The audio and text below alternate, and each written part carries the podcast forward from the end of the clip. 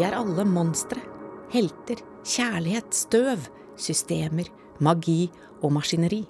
Kjenn på det. Ta på det. Snu på det. Fram og tilbake. Det skriver den unge canadiske koreografen Emma Portner, som har brukt vinteren til å skape et helt nytt verk med Nasjonalballettens dansere. Som Girls Don't Turn heter det, noe som i dansetermer kan oversettes med Ikke alle jenter gjør piruetter. Innenfor ballettens fire vegger, på hovedscenen i operaen, er utsagnet både befriende og potensielt provoserende. I forestillingen Portner Kylian Balanchine danses verket sammen med Jiri Kylians ballett 2752 og George Balanchins Divertimento nummer 15, som begge har en plass i balletthistorien. Litt vågalt kan vi dermed kalle kvelden en ABC til moderne balletthistorie, der konvensjoner illustreres, vris på og brytes. I sin neoklassiske stil gir George Balanchinos et konsentrat av det klassiske dansespråket, men i en minimalistisk ramme som bryter med hvordan klassisk ballett forteller historier. Jiri Kylian bryter derimot med de klassiske trinnene. Han sier farvel til tåspisskoene og gir oss heller et moderne ballettspråk i en ekspressiv ramme. Emma Portner tilhører samtidsdansen, som dyrker denne bevegelsesfriheten videre, men ikke minst bryter hun ballettens kjønnskonvensjoner. Og slik blir kvelden også en slags oppvisning i kjønnshistorie. Synet på kvinne og mann som to kontraster som utfyller hverandre, har nemlig stått ganske steilt i den klassiske balletten, ikke minst siden 1800-tallets eventyrballetter. Ja, fremdeles er det kanskje dette vi tenker på når vi hører ordet ballett. Kvinner på tåspiss, i rollen som prinsesser eller overjordiske vesener, som løftes høyt eller snurres rundt av den mannlige helten. Selv om ingen av kveldens koreografer forteller historier på denne måten, kan Balanchine sies å videreføre ballettens luftige ideal så vel som todelingen mellom mann og kvinne. Balanchine, som også ble kalt Mr. B, hyllet kvinnen i sine koreografier. Ballet is the female thing. It is woman, sa han. Eller litt forenklet, ballett er kvinne. Samtidig mente han ikke at ballett og menn ikke passet sammen. Han var selv en ledende danser, og som koreograf skapte han atletiske soloer for sine mannlige dansere. Men ballettene hans har flest kvinner, og ofte står en kvinne i sentrum. Hun danser i tåspissko, gjerne også tyty, altså strutteskjørt, og i duettene løfter og virvler mannen henne rundt i piruett på piruett. Kylian derimot bryter det kontrollerte klassiske formspråket. Hos Kylian er bevegelsene både mer vendt mot jorda og mer naturlige. Også Kylian er kjent for sine duetter, og nesten alle er mellom mann og kvinne. Likevel beveger han seg litt bort fra synet på kvinner som én ting og menn som en annen, for det Kylian framfor alt gjør, er å utforske randsonene mellom de vante kontrastene. Det finnes litt galskap i oss alle, har han sagt. Små hendelser kan utløse et skred som på et øyeblikk forandrer deg totalt. I alle menn finnes det litt kvinne og omvendt. Det er som yin-yang-tegnet. Ingenting er rent og perfekt, det er alltid en forstyrrelse. Hos Portner, derimot, ser det ikke ut til å finnes to adskilte kjønn, men derimot et spekter med mange mulige kjønnsidentiteter. Sånn kan vi se Portner som del av en progressiv generasjon som anser kjønn som noe flytende, en kvalitet som ikke er bestemt en gang for alle. Kanskje er de barn av hver sin tid, slik det er nesten 100 år mellom Balanchine og Portner. Og la oss begynne med den eldste, Balanchine, slik også kvelden begynner med ham, og med Mozart, som han elsket.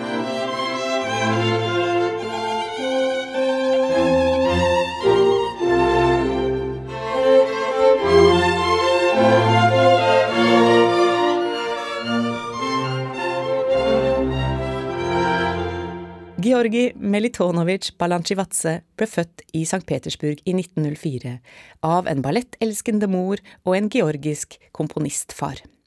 Georgi studerte dans, musikk og komposisjon, og etter revolusjonen sugde han til seg av den russiske kulturens rikdom. Han fikk jobb i det som i dag heter Marinskij-balletten, men startet også et ungdomskompani som i 1924 fikk tillatelse til å dra på europaturné. I Paris møtte de fattige unge danserne et stort russisk eksilmiljø, ikke minst impresarioen Serge Diagelev, som drev kompaniet Ballet Russe, med dansere skolert i St. Petersburg.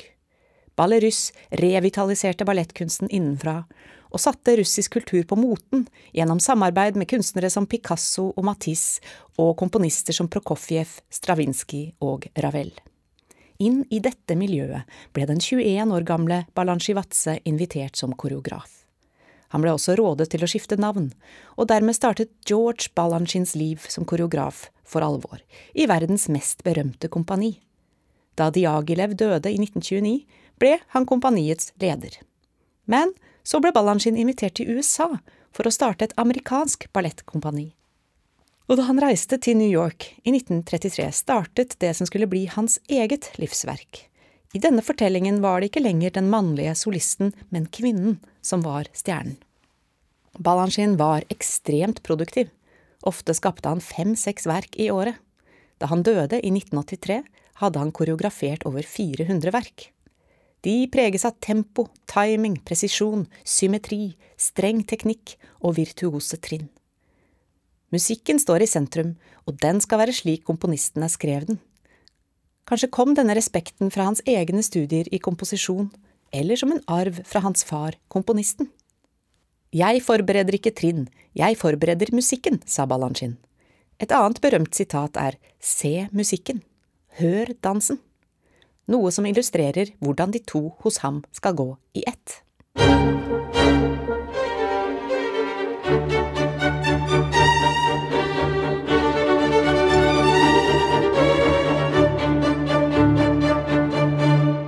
Balanchine skapte dans til bare to av Mozarts stykker, og kun divertimento ble holdt aktivt i repertoaret. Divertimento, som betyr glede eller underholdning, er en lett komposisjon med mange korte satser som her spilles av operaorkesteret. Og hos Balanchine speiles musikkens letthet selvsagt i selve dansen. Mange av trinnene er djevelsk raske eller ute av balanse, og partnerarbeidet er vågalt, slik en kritiker har påpekt. Likevel er det en ballett som bærer utfordringene lett. De er der hvis du ser etter dem, men de er neppe selve poenget. Neste verk, 2752, er skapt av Jiri Kylian. Det varer i, nettopp, 27 minutter og 52 sekunder, og handler ifølge Kylian om tid, fart, kjærlighet og evig forandring.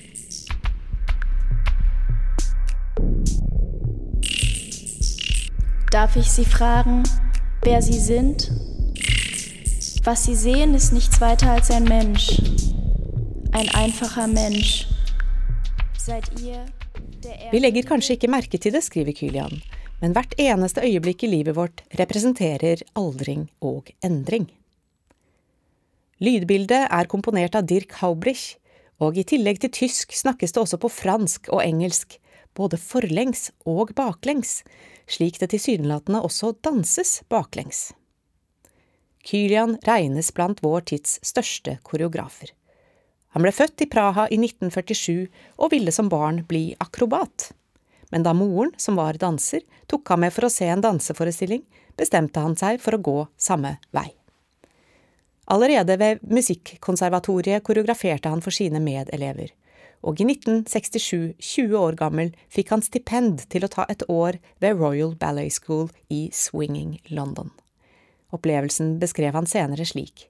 Det var det 21. århundrets store øyeblikk, og jeg, en liten gutt fra et kommunistisk land, ble kastet rett ut i denne nye verdenen. Samtidig gledet han seg til å ta del i samfunnsendringene som foregikk i hjemlandet, men en uke etter hjemkomsten ble Tsjekkoslovakia invadert av Sovjetunionen. Det som optimistisk hadde fått navnet Praha-våren, var over, sensuren var et faktum.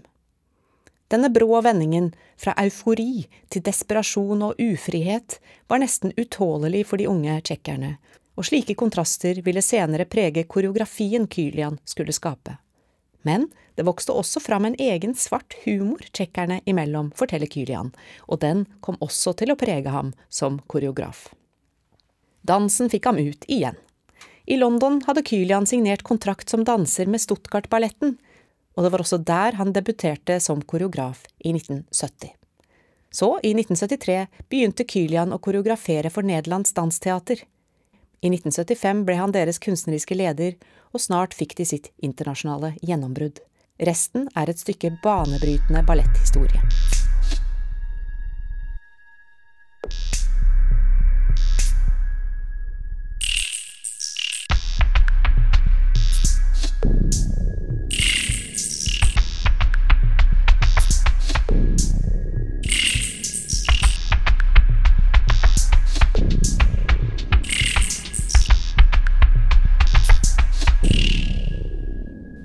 Kylian har skapt over 100 balletter. Verk som inviterer oss til å lese vårt eget liv inn i det vi ser.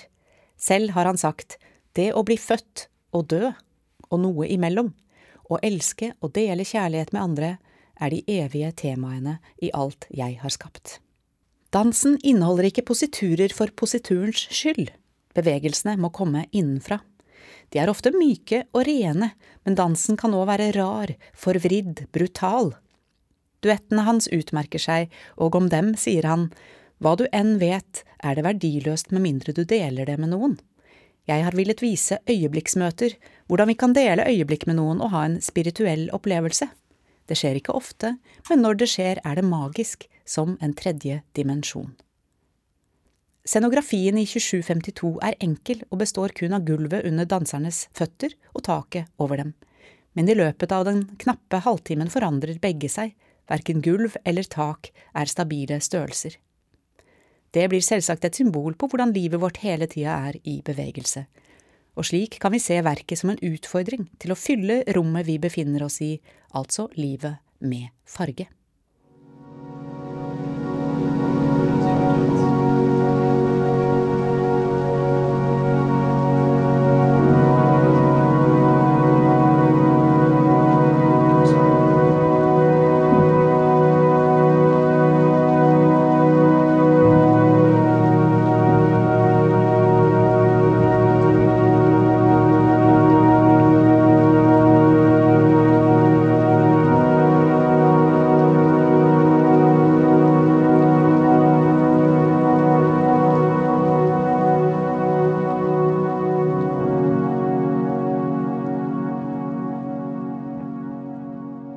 Kanadiske Emma Portner begynte å danse da hun var tre år gammel, og trente annet med den canadiske nasjonalballetten.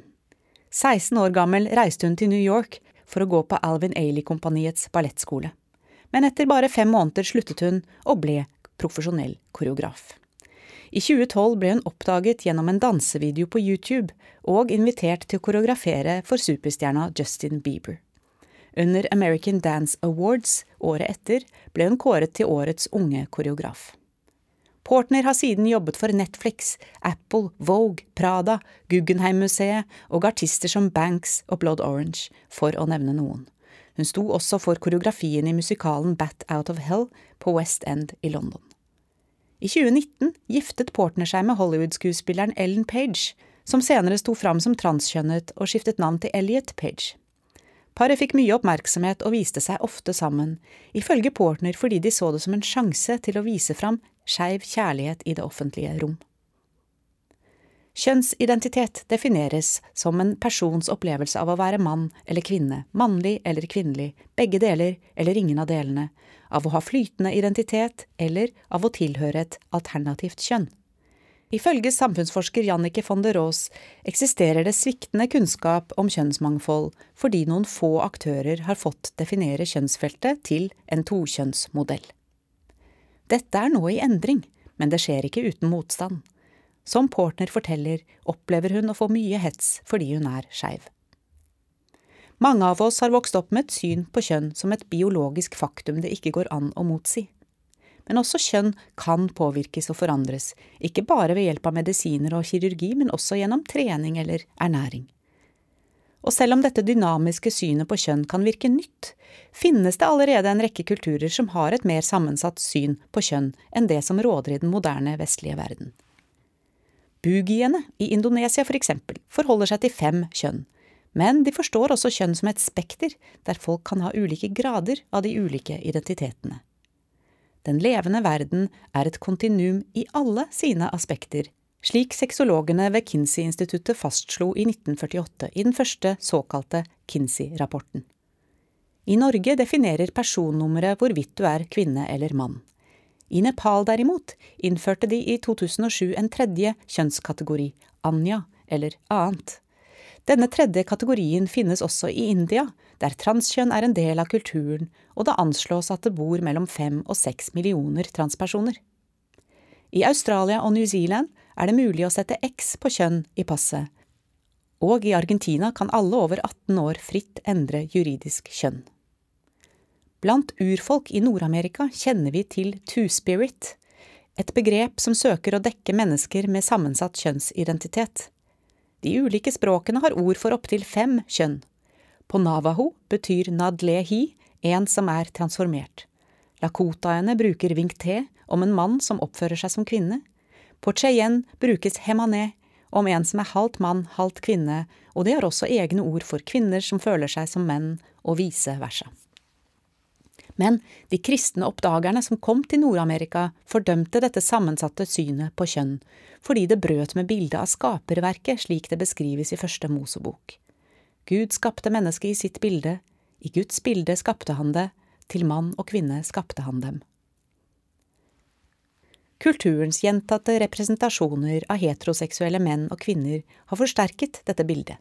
Hvem vet hvor mange bøker, sanger eller filmer som handler om hvorvidt mannen og kvinnen får hverandre til slutt. Vi som er interessert i dans, kommer ikke utenom eventyrballettene og deres mange sterke, aktive prinser og hjelpeløse prinsesser. Tenk på Giselle, Tornerose og Svanesjøen, der kvinnen er låst i en forbannelse som kun kan brytes gjennom mannens heltemodige kjærlighet. Ifølge den svenske koreografen Mats Ek begrenser ikke disse kjønnskonvensjonene seg til klassisk ballett, da Ek ble spurt om sine mange sterke kvinnelige hovedroller, svarte han det har alltid irritert meg hvordan den klassiske balletten, men delvis også den moderne, behandler kvinner som en form for dekorasjon, svake mennesker som må løftes rundt og tas vare på. Det er like latterlig som at menn skal være macho. Vi kan altså se Eks kvinneroller som et opprør mot ballettkonvensjonene, og dette opprøret fører Emma Portner videre. Våren 2020 kom Portner til Oslo og skapte duetten Islands for Nasjonalballetten. I den var de to kvinnelige dansernes kropper tidvis så sammenflettet at det var vanskelig å vite hvor den ene sluttet og den andre begynte. Denne gangen vil hun gjenoppdage dans utenfor den tradisjonelle rammen av kjønn. Some Girls Don't Turn er ifølge Portner en flytende utforskning av den klassiske formen, som handler om å se på utdaterte gjøremåter med et nostalgisk blikk. Den enorme paljettveggen der danserne visker ut eksisterende former og tegner nye, kan illustrere hvordan velkjente skript, om kjønn eller andre skikker, kan pusses ut og erstattes. Portner vil dyrke alternativ femininitet og maskulinitet, sitat, for alle gutter som ønsker å være jenter, for jenter som ønsker å være gutter, og alle brudd på det binære derimellom. Slik utvider hun både rommet for hva kjønn kan være, og for hva ballett kan være. Dans må forandre seg, verden er ikke lenger som den var da ballett ble oppfunnet, sa Portner til Dagsavisen i 2020. Endringen gjør hun i selve koreografien, der hun trekker inn elementer og bevegelser fra andre dansesjangere som hiphop eller stepping. I tillegg skaper hun overraskende bilder. Jeg har i hvert fall aldri før sett duetter danses ved hjelp av håret. Det virker forfriskende, men kan også utløse følelser i oss, gode som vonde, for hvem liker vel å bli dratt etter håret?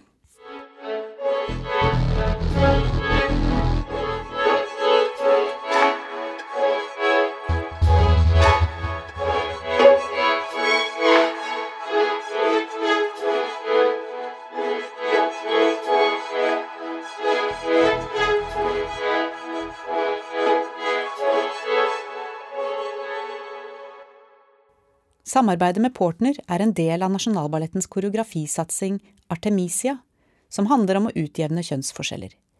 I ballett, en av verdens mest kvinnedominerte aktiviteter, er historiene som fortelles i stor grad skapt av menn, sa ballettsjef Ingrid Lorentzen da hun i 2019 lanserte satsingen i samarbeid med Talent Norge og Norsk Tipping. For selv om Norge har en sterk tradisjon for kvinnelige koreografer, har de ofte skapt dans for de mindre scenene. Slik har de blitt sett av færre publikummere og i mindre grad blitt kanonisert enn de store ballettene skapt på hovedscenen. Koreografisatsingen handler om å snu disse strukturene. Et viktig mål er å skape nye signaturverk og ta disse med på turné til utlandet. Med Marit Moum Aunes Ibsen-balletter har Nasjonalballetten gjort dette flere ganger. Og høsten 2021, midt under pandemien, tok de med seg Portners verk Islands ut på en prestisjefylt turné til St. Petersburg og Moskva, Stockholm og Paris, foruten Oslo. Portner var da i selskap med stjernene Crystal Pite, Jiri Kylian, Sasha Waltz, Ohad Naharin og Mats Eek. Like fullt mente både den franske og svenske kritikeren at Portner var kveldens stjerne. I Some Girls Don't Turn har Portner med seg 24 ballettdansere på scenen. Det er et kollektivt verk, med andre ord, slik vi også i lydsporet kan ane at Portners prosess har handlet om å invitere inn mange stemmer. Og slik viser hun at ideen om det ensomme geniet kanskje også er en utdatert stereotypi. Det er som hun sier, lager vi ikke egentlig de beste tingene sammen? Slik vi antagelig bare i fellesskap kan endre verden litt og litt. Og med det sier jeg tusen takk for meg, og god forestilling.